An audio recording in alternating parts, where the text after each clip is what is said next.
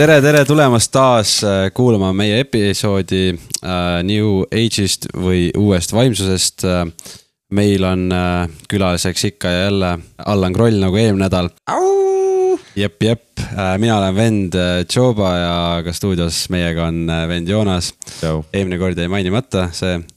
Aga, aga jaa, me räägime, räägime New Age'ist või noh, praegult siis uuest vaimsusest, sest et tuli välja, et New Age'i plaanid või eesmärgid ei saanud nii-öelda täidetud või läinud Äh, plaanipäraselt ja siis liikusime uuele, uuele vaimsele edasi. Äh, väike ajaloost on siis see, et see on siis, see termin äh, on väga uus, see ei ole nii-öelda vana iidsete aegadest pärit, kuigi need õpetused, praktikad või äh, jah, mis kõike hõlmab, et need on küll võetud igasugustest usunditest, erinevatest usunditest ja tehtud oma näoliseks või oma meelepäraseks, aga jaa see on siis nagu selline väike ajalugu ja nagu e eelmine kord Kallan äh, meile lu äh, luges vähekene äh, statistikat äh, Eesti kohta, siis need protsendid olid väga kõrged, kes usuvad äh, karmasse äh,, oli vist üheksakümnest, kui ma ei eksi. üheksakümnest oli karmasse, uskusid tervenemisse, prohvetlikkuse või sellise äh, tuleviku nägemisse. reinkarnatsiooni äh,. jah, taassündi, uuesti sündi äh, Äh, ma ei tea, sellist, äh, et esemetel on äh, mingi mõju meile nagu talismanid äh,, kristallid äh,, mingid jänesekäpad et jaa, et see on meie keskel, me, meil siin Eestis, see võib olla nii-öelda peidetud, varjatud. aga see on täielikult meil olemas ja meil on ka nii-öelda statistika, mis seda näitab ja ütleb.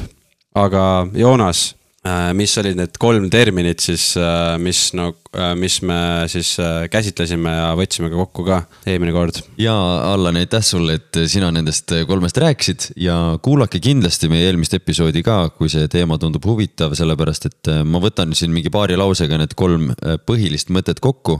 et loomulikult see on hästi lai, see uue vaimsuse kogu, kogu see teema, lugesime terve loetelu ette, mis kõik sinna alla kuuluvad et, et kui sa arvad, et sa oled ateist, aga ütled, et äh, usud nõidusesse ja, ja astro, astroloogiasse või astronoomiasse, siis äh, võib-olla ikka päris, päris nii lihtne see elu sul ei ole. aga igatahes äh, need kolm punkti, mis Allan välja tõi, oli, esimene oli mina vaimsus.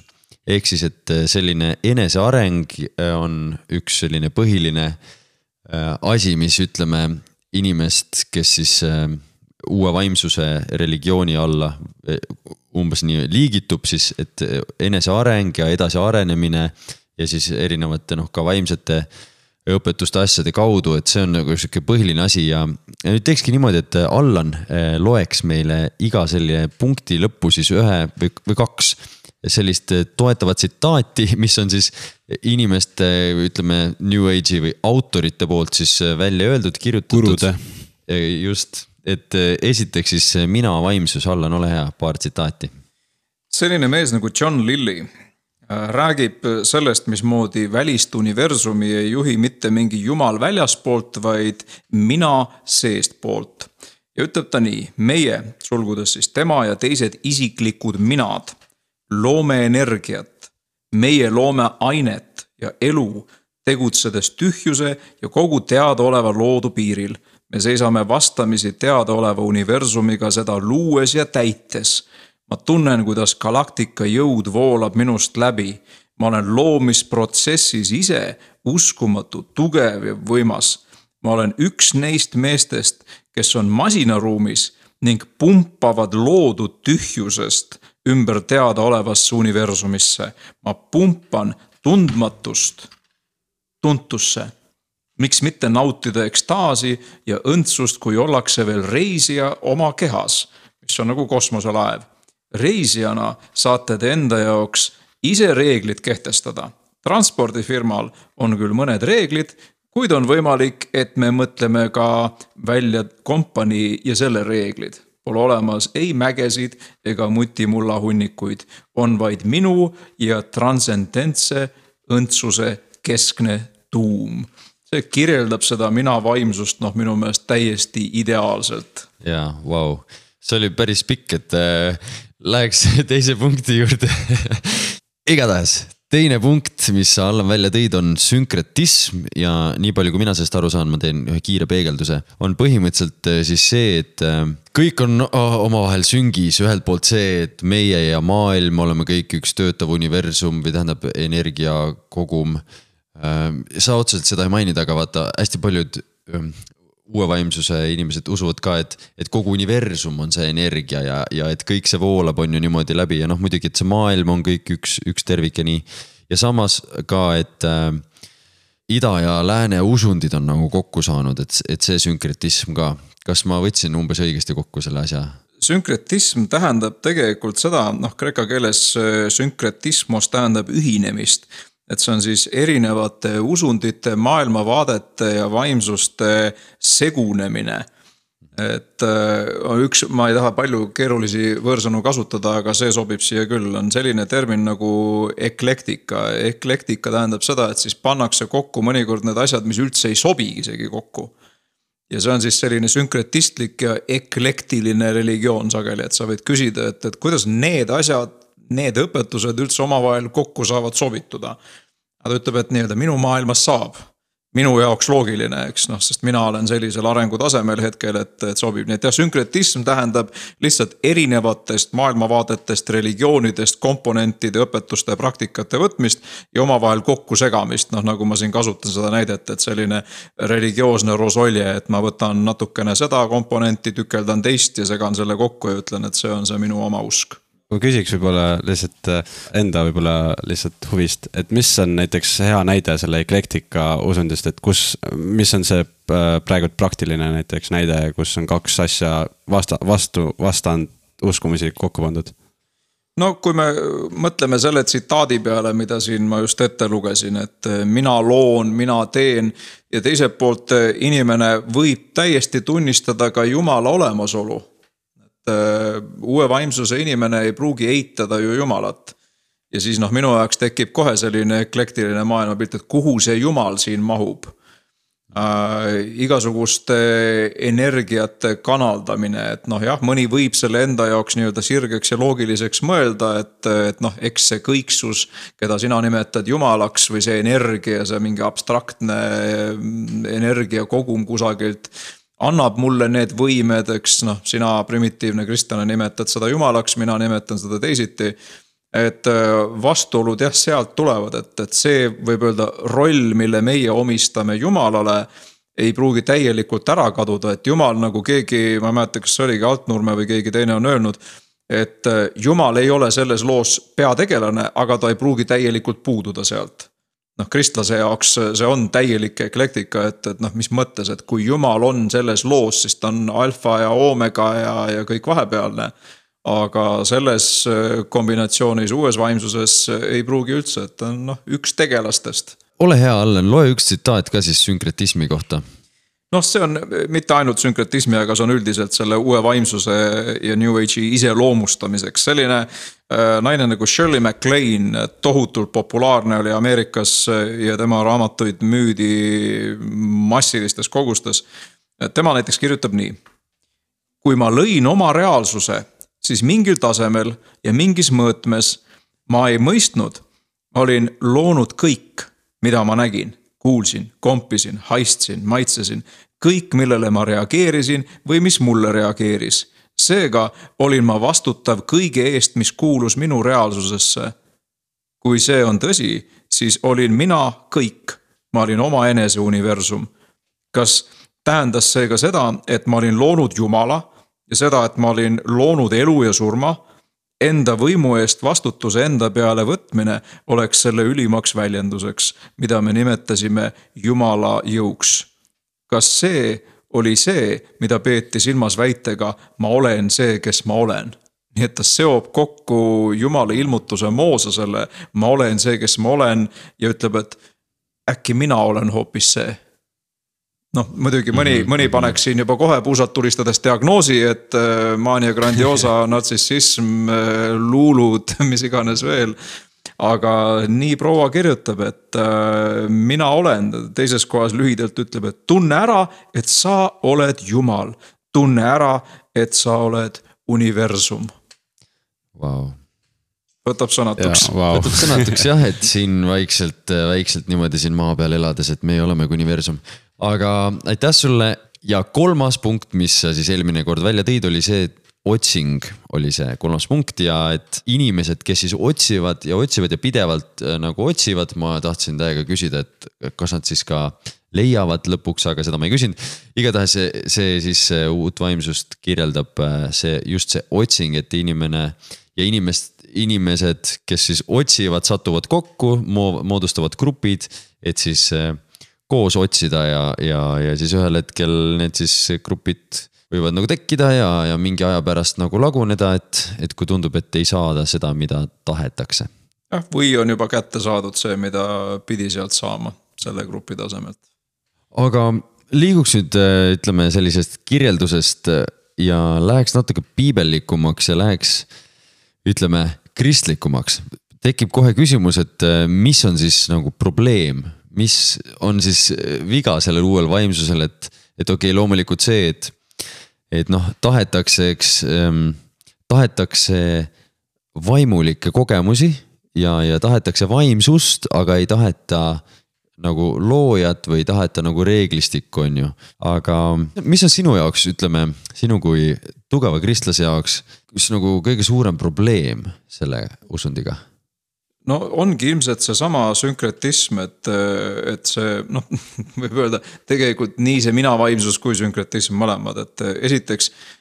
kus iganes tõstetakse troonile inimene, tulemused on alati kehvad. Need ei pruugi kohe välja paista, aga tulemused on alati kehvad, kui inimene ise hakkab äh, hõivama kohta, mis tegelikult kuulub äh, jumalale. ja noh, seda on ju Eedeni aiast saadik tehtud kui esimestele inimestele öeldakse, et aga mis teil seda jumalat tarvis on, keelas kõik ära ja elada ei lase ja, ja tehke, tehke, mida teie tahate, silmad lähevad lahti, saate targaks, jumala sarnaseks ja.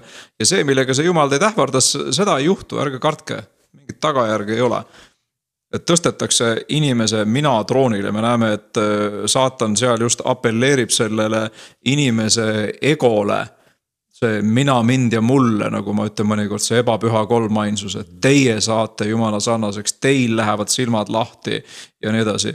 et äh, esiteks see inimese positsioon. ma arvan, et, et kui asjad on õiges järjekorras, et äh, jumal on inimese elus esikohal ja siis tulevad kõik muud asjad, nagu Jeesus ütleb, otsige esiti jumala riiki ja siis kõike muud antakse peale, siis asjad toimivad normaalselt. noh, vanglas ma kasutan hästi palju seda näidet et usuvärk on nagu triiksärk. paned ülemise nööbi õigesti, jooksevad järgmised nööbid ka õigesti, paned ülemise nööbi valesti, jooksevad kõik valesti. ei ole varianti, et järgmised lähevad õigesti, kui sa ülemise paned valesti. ja, ja noh, ma usun, et samamoodi on selles, et, et kui jumal panna esikohale, siis järgmised asjad lähevad oma paika, kui mitte noh, jumal ei osale selles asjas, ta ei saa võistlustel hõbemedaleid. ta kas saab kulla või ei võistle ja samamoodi selles, nii et see mina vaimsuse teema nüüd vaimselt toksilisem ja ohtlikum on see järgmine punkt, on seesama sünkretism, et. Paulus ütleb kristlastele, kusjuures korintlastele kirjutab, et ei saa samaaegset osa võtta issanda lauast ja kurjade vaimude lauast, ehk siis ammutada kahest teineteist välistavast allikast Äh, noh, saab, see on füüsiliselt teostatav, aga, aga fakt on see, et, et kui jumal näeb, et inimene seda teeb, siis nagu tema kolib välja. ja see äh, uue vaimsuse religioon täpselt seda teeb. Äh, mis autoriteet saab olla langenud pooleteise kilose ajuga piiratud elukogemusega inimene et anda hinnanguid näiteks mingitele vaimsetele mõjudele, faktoritele, sellele, mis allikast need pärit on. inimene ei ole võimeline seda hinnangut andma, noh, tema kogeb midagi, tajub midagi, võib-olla nägi midagi. ja noh, Paulus kõigile ilmselt kristlastele väga tuttav ja tuntud kirjakoht teise Korintuse üheteistkümnendas peatükis ütleb. et saatan võib ennast moondada valgusingliks, ehk siis noh, ta võib pakkuda vaimseid kogemusi kananahka, kuumalaineid, külmavärinaid söögi alla, peale ja vahele, et see ei ole mingi probleem tema jaoks. ja kui nüüd inimene võtab selle vastu, et, et noh, ma tunnetan, tajun, kogen, noh, selline hästi meeltekeskne ka veel siis äh, inimene võib kokku segada sellise religiooni, kus äh, on see teemonlikkuse kontsentratsioon on katastroofiliselt suur. aga ta ise ei saa aru, sest noh, nagu Paulus ütleb, valguse inglina ilmub. Ehk siis inimene ise näeb, et see on midagi säravat, hiilgavat, üleloomulikku, palju tõotavat ja ta ei saagi aru, et ta tegelikult seob ennast teemonliku vaimse maailmaga. ja see on see, mida läbi terve piibli nimetatakse ebajumala teenistuseks ebajumala teenistust ei kirjeldata lihtsalt kui mingite puuslike ees kummardamist, vaid noh, Paulus näiteks ütleb, et see, mida paganad ohverdavad, nad ei ohverda lihtsalt mingisugustele äh, puuslikele, vaid kurjadele vaimudele. Ehk siis paganlik ebajumala teenistus Pauluse äh, järgi on teemonlik. see on vaimse sisuga asi, see ei ole lihtsalt sisutühi tegevus, noh kui see oleks, et, et no mis siis ikka, mis sest kahju on, et kummardab seal oma mingisuguse kujukese ees, aga Paulus ütleb, et sellel on vägagi sisu, aga see on teemonlik vaimne sisu. ja inimene ise ei pruugi sellest aru saada, sest see on kõik äh, niimoodi ilusas pakendis ja sildistatud kõikvõimalike tänapäeva inimese jaoks atraktiivsete selliste märksõnadega ligimise armastus ja hoolimine ja ei ole väiklane, ei mõista kohut kellegi üle ja tolerantne kõigi suhtes okei okay., mul on selline küsimus ka, et aga siis, kui näiteks, äh, kui sina oleksid praegult äh, New Age'i guru ja mina küsiks su käest, või no mida sa ütleksid, kui ma küsiks, et okei okay,, kes on Jeesus ja mis rolli kristlus mängib selles kohas? siis ma vastaks tõenäoliselt nii nagu, nagu vastab näiteks ka keskmine buda äh, guru või keegi budismi õpetaja. ütleb, et Jeesus oli suur guru, suur õpetaja, kindlasti valgustatud isik, aga ei midagi enamat.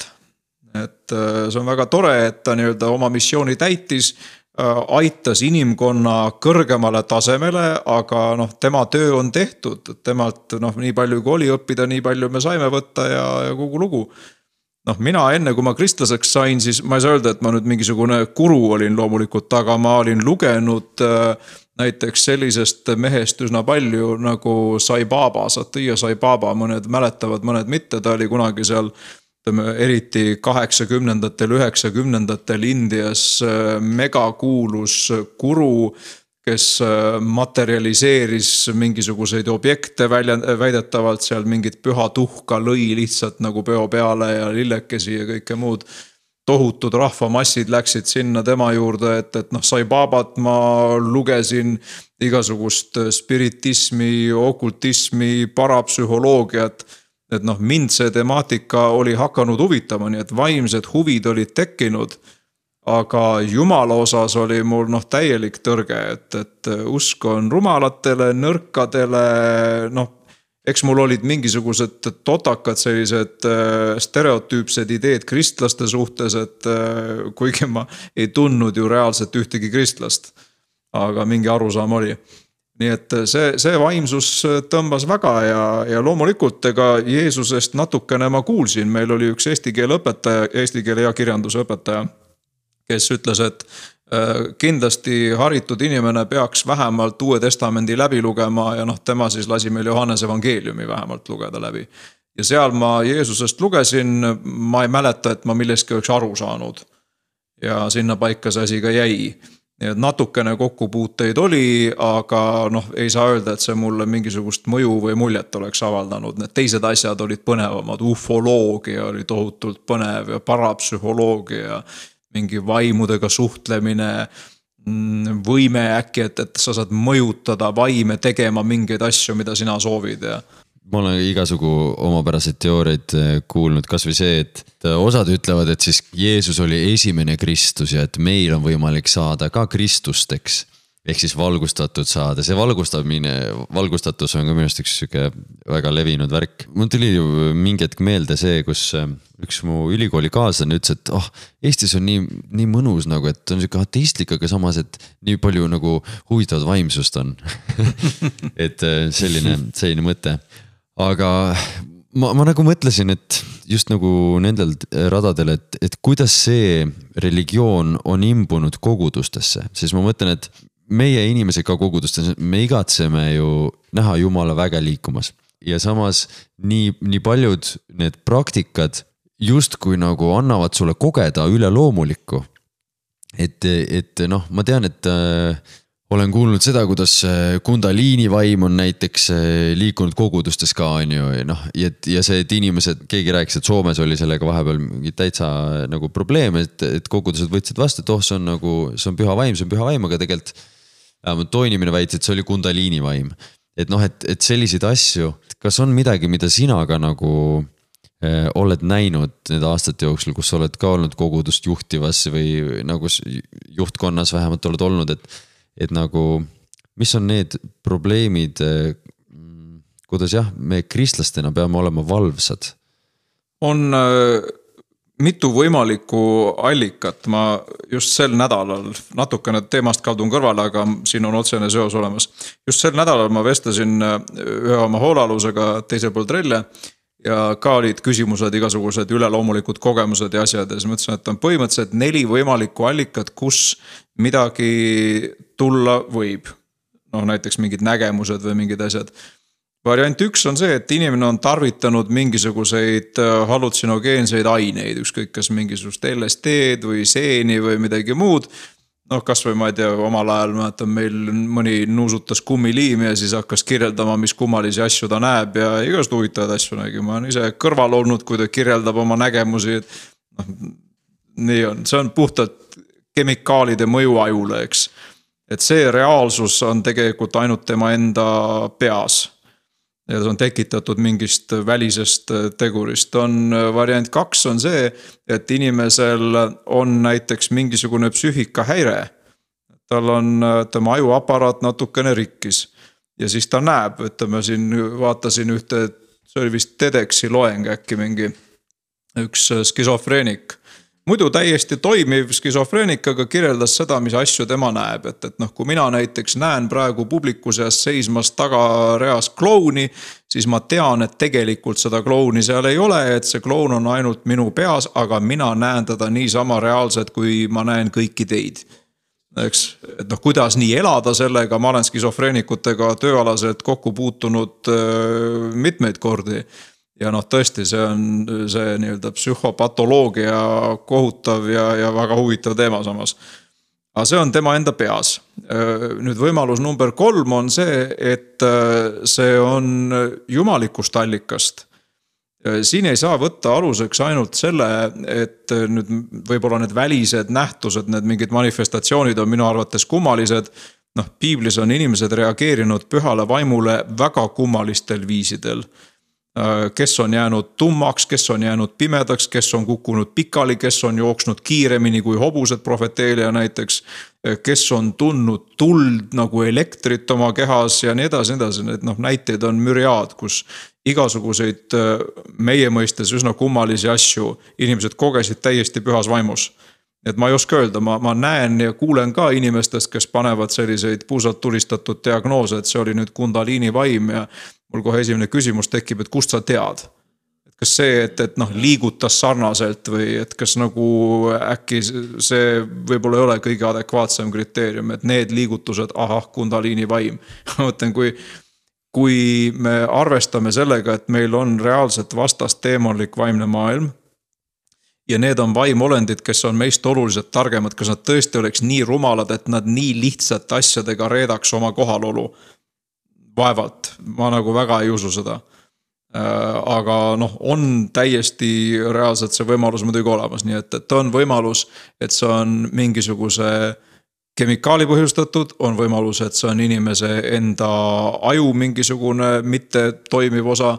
on võimalus, et see on jumalast antud ja on võimalus, et see on teemonlik eks kõik neli allikat tegelikult äh, täiesti võimalikud ja siis selleks kõige esimene tööriist, mille jumal on meile andnud oma sõnas, on, on vaimuand, mida nimetatakse vaimude äratundmise või siis inglisekeelsetes tõlgetes tihti vaimude eristamise anniks. et see on üleloomulik võime, vaata noh, kui me suudaks ainult väliste manifestatsioonide järgi otsustada, et see on jumala vaimust ja see ei ole siis meil poleks mingit vaimude eristamise andi tarvis, siis oleks tarvis joonistada mingisugune selline eh, rida pilte, et, et need kehahoiakud, need toimingud, need liigutused on saatanast. absurd, eks.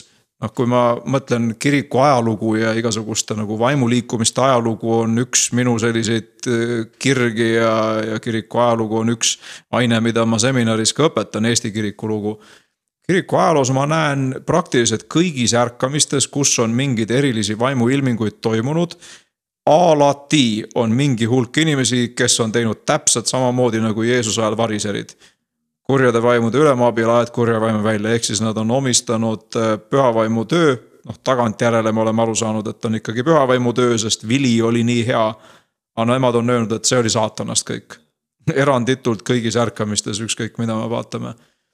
Nii et äh, jah, ma ei arva, et see oleks ainult selliste väliste kriteeriumide järgi võimalik paika panna, et siin peab saama selle üleloomuliku võime jumalalt peab palvetama, et jumal annaks meile kogudustesse neid inimesi, kellel on see and.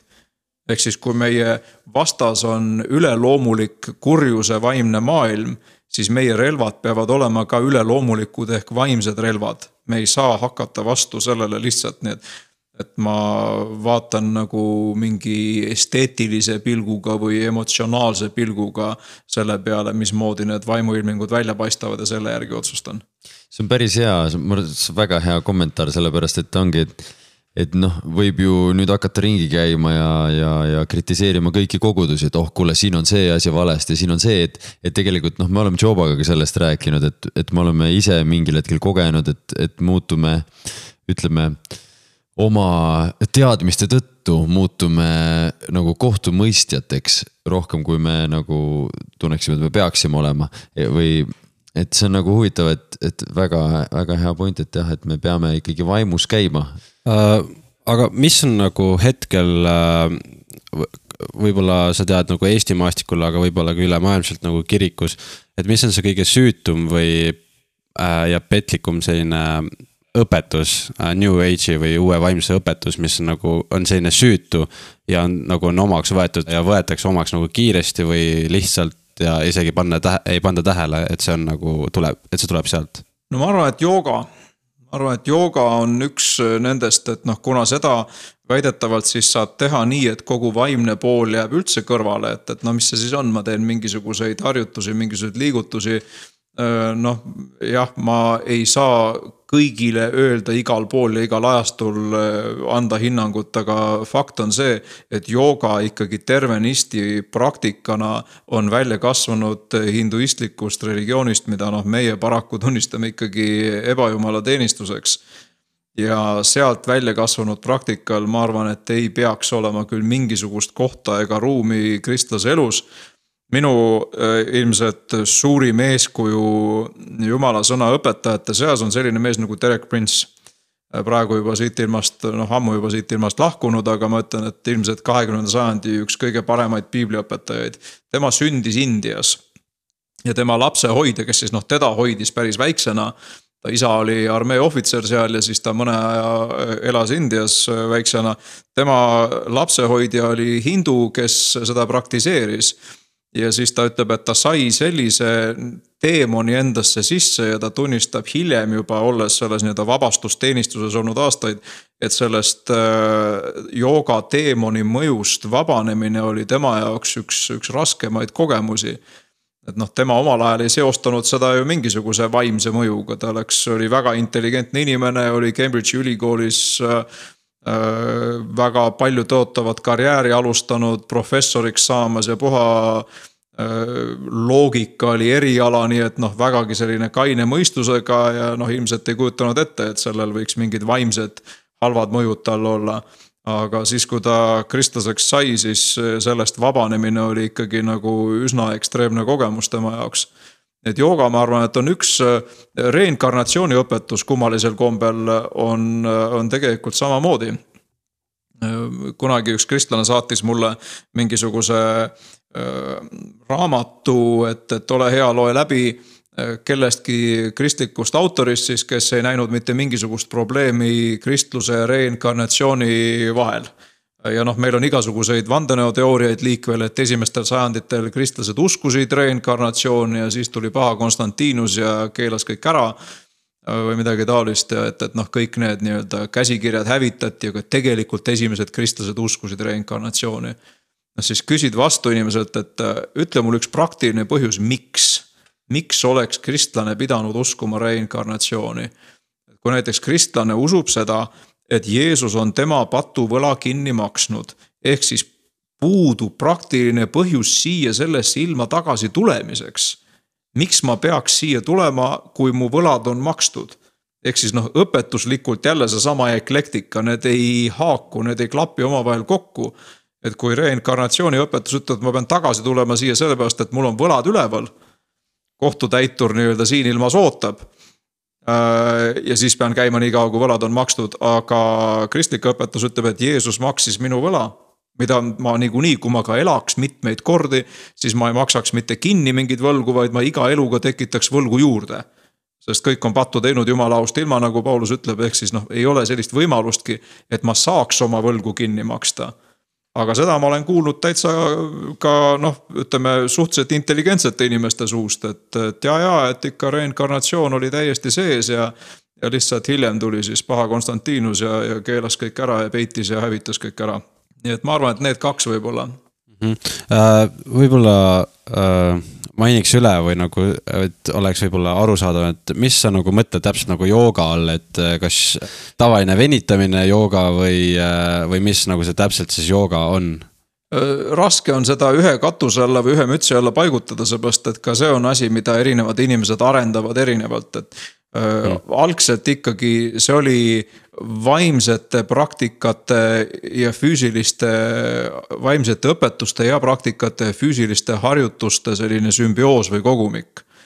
et inimesed äh, ei teinud seda lihtsalt nagu mingisuguse hommikvõimlemisena ja noh, kui mõni kristlane nii hirmsasti tahab, et, et noh, ma pean ikkagi seda saama teha, siis äh, noh, ma arvan, et sa äh, saad hommikvõimlemise teha ka ilma selle päikesetervituseta täiesti edukalt ära ja tunda ennast hästi, et noh, sul ei ole selleks tarvis teha äh, paganlikust ebajumala teenistusest pärit olevaid praktikaid selle jaoks. Ja noh, eriti muidugi, kui me räägime mingitest gruppidest, et, et käia kusagil grupis ma olin täiesti jahmunud, kui ma lugesin ühte kirjeldust, ma ei hakka kohta nimetama, aga ühes Eesti päris tuntud kirikus ühes teises linnas äh, korraldati kristliku jooga kursus ja oligi nii, et üks, kes seda läbi vedas, oli siis kohalik, kas ta oli vist koguduse juhatuse liige ja teine oli siis väljastpoolt kogudust kui küsiti äh, pastori käest, et äh, kuidas selline asi võimalik oli, siis tema ütles, et tema ei näe selles mingit probleemi, sest äh, lõpetati meie isa palvega.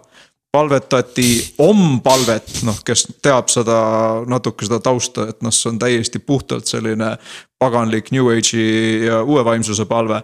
et palvet, palvetati om-palvet ja siis äh, selle tunni lõpus üheskoos palvetati meie isa palvet. Äh, sellepärast, et nende läbiviijate soov oli, et koht oleks energeetiliselt hea ja kirik nagu seda on noh, mina seda loen või kuulen seda kirjeldust, siis ausalt öeldes mul tõusevad küll juuksekarvad püsti, et, et noh, kuidas nagu, kuidas neid on võimalik ühildada omavahel. okei okay.. ja um, no me oleme rääkinud nüüd pikalt ja ma arvan, et see, kes äh, ütleme, on nende praktikatega kokku puutunud ja on siiamaani kuulamas veel meie podcast'i, siis aitäh sulle, et sa oled seda tegemas. ja ütleme, küsimus on, et kuidas siis lahti öelda või kuidas välja tulla sellest maailmast? kõige esimene asi on ikkagi see, et inimene annab mingisuguse hinnangu sellele, mida ta on uskunud ja praktiseerinud. kui mina sain kristlaseks, siis ma ei mäleta, et keegi pastor või jutlustaja või koguduse kaaslane oleks mulle öelnud, et Allan, sa pead sellega nüüd puhta vuugi tegema. ma teadsin, et ma teadsin, et ma teadsin, mul oli mingi patakas neid igasuguseid parapsühholoogia, ufoloogia, spiritismi, okultismi ajakirju. mingid raamatud ka ja ma sain aru, et ma hävitan ära need füüsiliselt, et ma ei, ma ei anna neid edasi küsiti, et mis sa ikka hävitad, et anna mulle, ma ütlesin, et kui sa küsiks mult äh, mürki, ma ei annaks, see on hullem, ei anna. et ma sain aru, lihtsalt jumala vaim minu sees täiesti selgelt tunnistas, et see asi on teemonlik. sa pead selle ära hävitama täiesti füüsiliselt, noh apostlite tegudes me näeme seda, kuidas inimesed, kes pöördusid, öeldakse, et nad ütlesid lahti kõigist oma praktikatest aga mitte lihtsalt nii, et noh, palvetame, aga meil on kodus ikka igasugused unenäopüüdjad ripuvad kuskil voodi kohal. üsna paljudel kristlastel muuseas ka Äh, siis mul on need kõikvõimalikud mingid sümbolid, siis mul on raamaturiiul täis, siis ma käin kuskil turismireisidel igast ilmakaarest kogun endale koju mingisugust pahna, mille taustagi ma ei tea. Äh, ja siis lõpuks selgub, et vau, ma olen tegelikult oma kodu täitnud mingisuguste ebajumalatega. et see ei ole mitte lihtsalt selline südames jumala poole pöördumine, vaid see on ka millestki lahti ütlemine ja mina sain konkreetselt aru, ma pean ära hävitama. Apostlite tegude raamatus täpselt nii tehti Öeldakse, et inimesed tunnistasid üles oma teod. ehk siis, kes oli praktiseerinud nõidust või midagi muud, tunnistasid. See on huvitav, kui ma lugesin Rooma ajalugu, siis Rooma äh, väljakaevamistel on leitud massiliselt selliseid väikseid kivikesi või mingid äh, tinast või selliseid väikseid plaadikesi, kus on peale kirjutatud needused, umbes nea nära naabrimehe, sest ta tõbras tegi seda või teist need on tohutul hulgal ja just selliste olmetülide tõttu näiteks, ma ei tea, keegi lõi naise üle mult, et, et siis ma võtan neanda ära. Ja siis noh, panen niimoodi kirja ja peidan selle kuhugi ära ja loodan, et see hakkab teda mõjutama halvasti et inimesed ütlesid lahti, tunnistasid üles need teod ja siis öeldakse, et tõid tohutu hulga igasugust tavaari, mis neil seal kodus oli. kõikvõimalik vaimsusega seotud kirjandus, sümboolika ja kõik see. nii et äh, soovitan kodune töö, tee kodus üks korralik inventuur ja vaata üle, kui sa leiad oma ehtekarbist, oma raamaturiiulist kuskilt suveniiride seast asju, mis ilmselgelt on äh, mingisuguse vaimse õpetuse taustaga siis kristlase koju sellised asjad lihtsalt ei kuulu. Need asjad peab ära hävitama, sest need on põhimõtteliselt nagu sellised praakiluksed hingevaenlase ees, nii et anna hinnang ja likvideeri oleks need kaks kõige esimest asja, mida, mida peaks tegema, et, et noh, see võib tekitada pahandusi, ma mäletan, mulle vend kunagi, vanem vend, kui ta veel elus oli. Kinkis ühe sellise kujukese ja mul oli kummaline kogemus panin selle riiuli peale sünnipäevaks, meie Eesti tuntud skulptori poolt valmistatud üks selline pronkskujukene ja. ja iga kord, kui ma palvetasin ja mu pilk läks sinna riiuli peale selle kujukese poole, siis see tunne nagu mingi liivapaberiga kraabiks südametunnistust. ma ei saanud aru, mis asi see on, see ei olnud mingisugune ebajumal, see oli mingi väike kassikujukene. Ja kui ma hakkasin siis tausta uurima, et kas on tõesti lihtsalt kassikene, selgus, et ei olnud, see oli Egiptuse religioosne nii-öelda kultusloom ja terve muu taust selle taga. ja ma võtsin ja ma andsin tagasi vennale, ma ütlesin, et äh, sorry, sa tahtsid teha mulle toreda kingituse, aga ma ei saa vastu võtta seda noh, arvake kolm korda, kas mu suhted vennaga nagu läksid väga palju paremaks selle peale, loomulikult ma solvasin, vihastasin, pahandasin teda hingepõhjani sellega. Aga ma sain aru, et ma ei saa jumala vaimu vastu, kui jumala vaim mu sees annab alarmi sellisel moel. et iga kord, kui ma palvetan, siis see kraabib mu südant siis äh, ma pidin selle likvideerima. ja, ja ma olen väga rõõmus, et ma seda tegin, kuigi suhteid rikkus see omajagu äh,. Vau, äh, jaa, neid kujukesi ja neid asju olen ise pidanud ise ka filtreerima ja enda elust. aga näiteks, kuidas siis äh jagada evangeeliumit, et äh, eelnevalt äh, Äh, rääkisime ka, et peame leidma võib-olla mingi ühise keele, näiteks inglid või äh, mingi jumal, on ju, või Jeesus, et, et kuidagi, et nad näevad seda äh, äh, mingil moel, et seal on see põhi või vundament all, et kust nagu alustada rääkimist, et. et see, näiteks seesama äh,, Joonas, kes see, mis selle nimi on, Steven?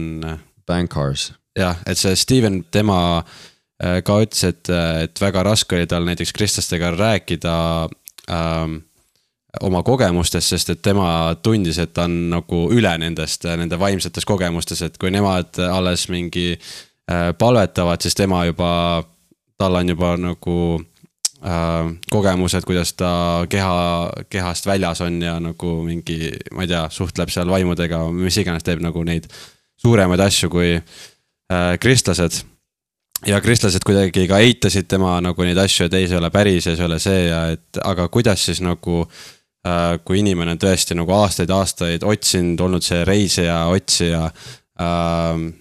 ja nii seotud sellega, et kuidas siis talle läheneda ja evangi-, evangeliseerida?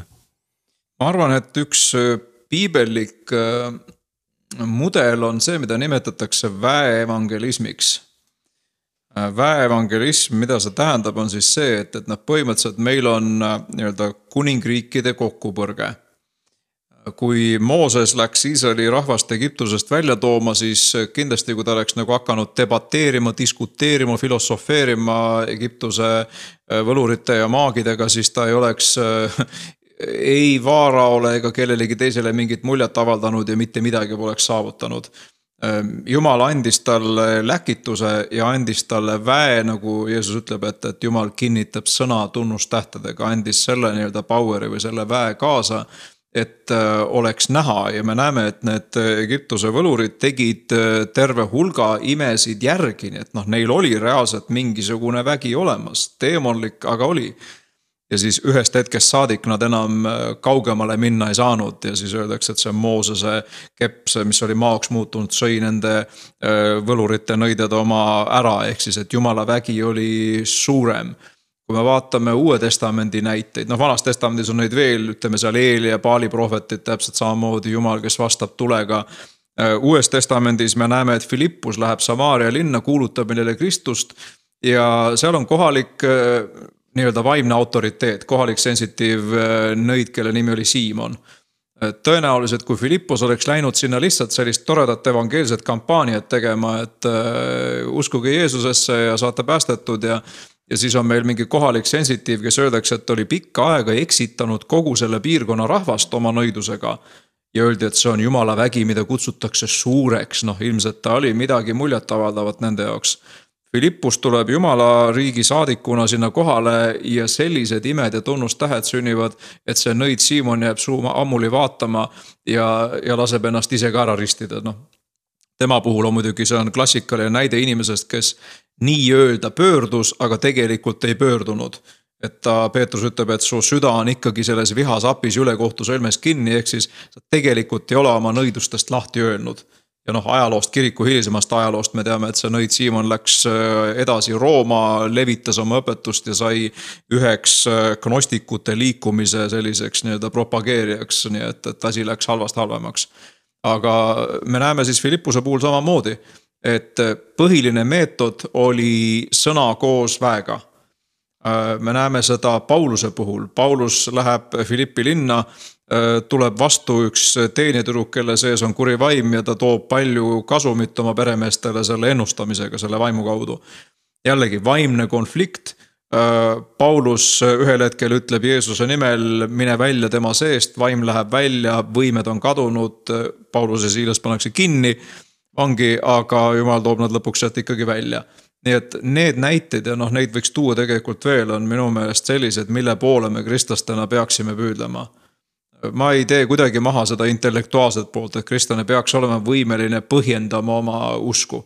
mida ma usun ja miks ma usun aga siin ei pea vastandama neid teineteise, et kas selline nii-öelda apologeetiline evangelism või väeevangelism, ma usun, et mõlemad on vajalikud, Paulus praktiseeris mõlemat kusjuures.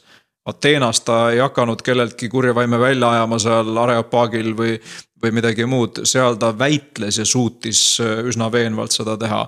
Ja teistes kohtades jälle me näeme, et imed, tunnustähed, haiged said terveks ja kurjad vaimud läksid välja ma usun, et see on võib-olla see, mis äh, avaldab kõige rohkem äh, muljet ja kõige rohkem mõju, et, et kui sul on vastas mingisugune selline nõid Siimona taoline kuru. ja siis jumalate nii-öelda laupkokkupõrge tõestab, et, et noh, kes on kes. Äh, sellega tõenäoliselt meil tuleb järjest rohkem kokkupuutumist selliste reaalsete vaimsete konfliktidega ja me peame selleks olema korralikult ette valmistatud, ainult selline intellektuaalne evangelism selleni ei vii. amen, nii et apologeetika on oluline. aga, aga selle taga peab ikkagi olema vägi ka, jah. amen. mul on praegu nagu võib-olla ma ei ole ainuke selles, et selline tunne, et nagu see new age või see uus vaimsus nagu kasvab ja kasvab ja kasvab ja seda nagu igal pool ja seda rämpsu ja umbrohtu nagu lihtsalt kasvab nii palju ja noh, ei suuda isegi kaasas nagu olla sellega, et mida kõike usutakse. aga nüüd nagu selle kasvamise juures, et äh, mis on sinu võib-olla julgustus äh, siis kristlastele tulevasteks aegadeks või sellised ka praktilised näpunäited, et mida meie saame teha, et see kasv nagu kahaneks ja vaid, aga et see nii-öelda kristlus läheks siis suuremaks ma vastaks mitte enda, vaid Pauluse sõnadega, Rooma kaksteist kaks, Paulus ütleb, et ärge saage selle maailma sarnaseks, vaid muutuge teiseks oma meele uuendamise teel, et te uuriksite, mis on jumala hea meelepärane täieline tahtmine. et siis äh, selle asemel, et püüda nüüd äh, hirmsasti kohaneda selle maailmaga, et, et noh, olla mm. vähem konfliktis äh, nende inimeste ja nende selle vaimsuse teemadega, et, et mitte minna selle kompromissi peale, teiselt poolt need inimesed on ju ka need, kelle eest Jeesus on surnud, jumal armastab neid ka. kindlasti mitte kohelda neid kuidagi nagu äh, roojaste, rüvedate, alaväärsetena, et see ei vii mitte kuhugi, seda ma noh, oma vanglatöös näen iga päev, et mul võib olla ükskõik mis kuriteo sooritanud inimene teisel pool lauda vastas. ma kohtlen teda kui inimest, kelle eest Jeesus on surnud ja keda Jumal armastab täpselt sama palju kui mind et äh, kindlasti seda kristlikku armastust äh, ära kaotada ei tohi, sest noh, ilma selleta Paulus ütleb, et sa võid mägesid teisele paigutada, prohveteerida ja mida iganes. Äh, see on tühi töö. et panna rõhku jah, kindlasti sellele ka, et, et me, me mõnikord surve all tahame muganduda sest surve on ebamugav, me tahaks olla nii nagu teised ja siis noh, hakkame vaikselt tegema nagu kompromisse oma usuga, oma praktikatega, oma uskumustega. mõnikord on piinlik isegi vaadata, et kui, kui mõnel kristlasel on nagu selline võimalus kasvõi avalikult rääkida Jeesusest, et siis ta ei tee seda. noh, pigem ma olen lihtsalt cool, aga, aga ma nagu Jeesuse juttu eriti palju rääkida ei taha, et Paulus ütleb, et ma ei häbene evangeeliumi, seepärast et see on jumala vägi mitte, et see on kõige targem jutt meie tänava peal, vaid et see on jumala vägi päästmiseks igavele, kes usub nii et jah, mitte muganduda, mitte häbeneda, aga samas äh, armastada neid inimesi. mul on äh, noh, jällegi vanglasüsteemis, mul on terve hulk selliseid näiteid inimestest, kes on hakanud käima vestlustel ja nad on mingite vaimsete huvidega, mul just alles see nädalgi oli ühe noore mehega taoline vestlus ja, ja ütleb, et Allan, et ma tahaks nüüd ristitud saada. aga temaga oli sisuliselt needsamad arengud juba läbi käidud ja kui ma oleks äh, kuidagi üleolevalt äh, suhtunud temasse või, või püüdnud teda survestada, paika panna nagu poolvägisi ristiusustada, me ei oleks kuhugi jõudnud. et ma austasin teda sellena, kes ta oli, tema uskumusi ja veendumusi ja samas see avas teda rohkem, ta hakkas küsima raamatuid, hakkas käima vestlustel. ja noh, lõpuks siis nüüd jõudis äh, selleni, et, et sel nädalal ütles, et Allan, et ma iga õhtu palvetan ja, ja ma tahaks ristitud saada. noh, üks praktiline näide, ma ütlen kasvõi sellest samast nädalast, kuidas, ja see oli pikk teekond, see oli. ei oska täpselt öelda, aga mingi poolteist, kaks aastat ma pakun võib-olla isegi selle noormehega konkreetselt oh,. amen. amen ja Jeesus on meie ees surnud ja ei, ei aita meid teod, ei aita meid hea olemine, ei aita meid mingi võimlemine või isegi parapsühholoogia, vaid meid aitab Jeesus Kristus ja nagu Efeseste teine peatükk ütleb, siis see ei ole meie endi tegudest, vaid see on tema armust. aitäh sulle, Allan, tulemast saatesse. ja suur aitäh. tänan kutsumast. ma arvan, et me selle teemaga tegeleme kindlasti veel tulevikus, eriti kui see ei kao veel kuskile, siis me kindlasti sellest teemast veel räägime ja võib-olla ühel hetkel kutsume ka kellegagi saatesse, kes on äh, sellest teemast äh, nagu välja tulnud. kallid kuulajad, kui te teate kedagi, kes on äh, New Age'ist, uuest vaimsusest, sellest maailmast tulnud ja on nüüd tugev kristlane, siis andke meile palun teada, me kutsuksime ta oma saatesse ühel hetkel rääkima. aga jah, olge väga õnnistatud ja hoitud ja, ja tõesti jumala rahu teie üle, jumala armu teie üle kogeda, katsuda läbi seda, mida te kuulete meediast, mida meile peale söödetakse, mida isegi kuulsad inimesed räägivad. katsuge läbi isegi see, mida, mida räägivad tuntud eh, jutlustajad ka, et ikkagi jumala sõna valguses ja püha vaimu juhatuses, et ja, aga aitäh, aitäh kuulamast ja olge toored. ja olge toored. tšau. tšau.